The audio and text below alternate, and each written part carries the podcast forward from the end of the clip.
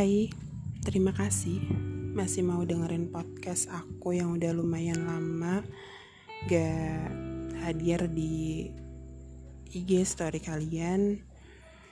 Kangen juga sih sebenarnya udah lama banget gak bikin podcast tapi mood gak bisa diajak kerja sama.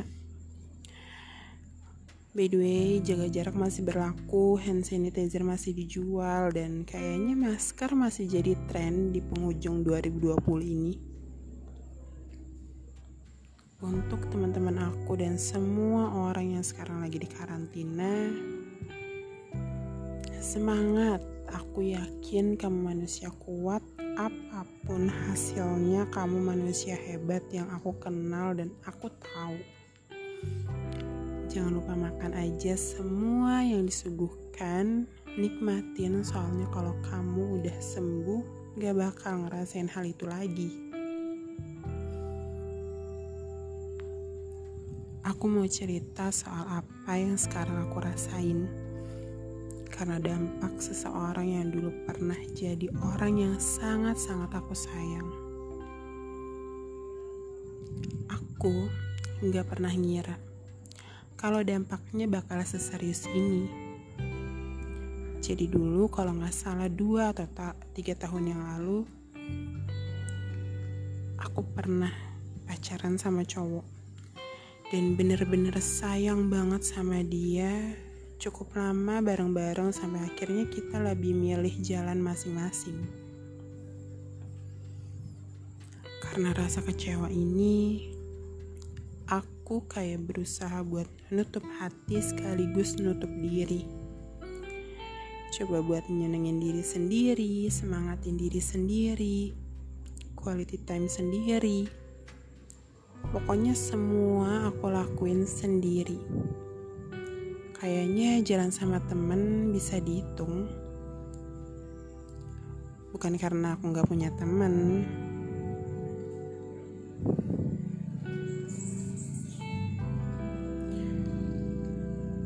tapi emang aku menarik diri dalam circle pertemanan aku.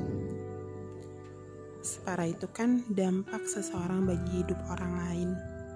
Makanya, kamu harusnya bisa mungkin ngefilter orang-orang yang sekarang lagi deket sama kamu. Soalnya masa depan kamu salah satu faktornya ya orang-orang terdekat kamu juga.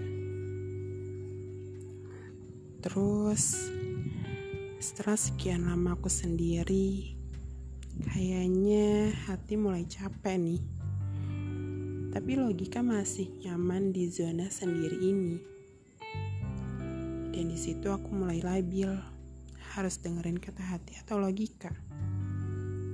Karena setiap aku memulai pendekatan dengan seseorang, yang aku takutkan ya sebuah kepergian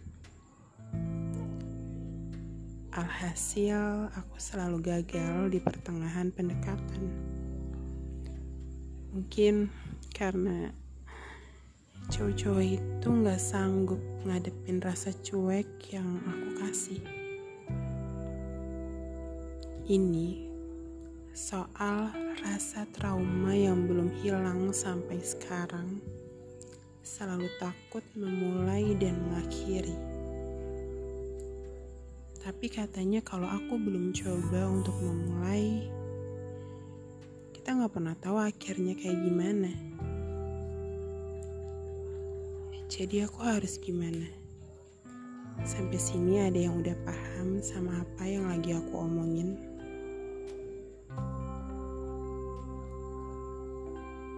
Aku bukannya betah sendiri, tapi memulai untuk mengulangi akhir yang sama kayaknya aku belum siap. Dan cukup lama aku rasa aku sudah sembuh. Aku coba untuk pendekatan lagi, berusaha sekuat mungkin membuka hati, menerima dia yang datang, dan Salahnya aku belum sempat prepare kalau-kalau dia tiba-tiba pergi. Hmm, Benarkan dugaanku? Ternyata pengalaman ditinggal dengan mendadak itu belum cukup. Buktinya, rasa trauma muncul kembali. Kamu tahu, saat dia yang mendadak pergi tanpa sepatah kata, meninggalkan banyak pertanyaan di otak untuk diri.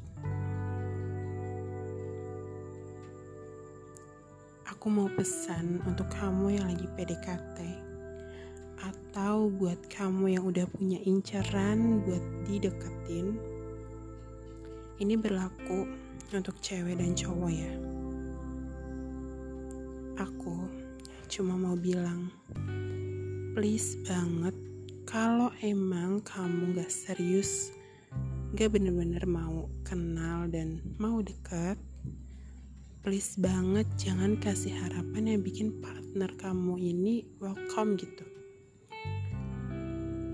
Kamu gak pernah tahu sesulit apa mereka ngembaliin mood mereka, ngembaliin rasa percaya diri yang udah dibikin hilang sama kamu coba buat nggak apa-apa di depan orang-orang terdekat mereka.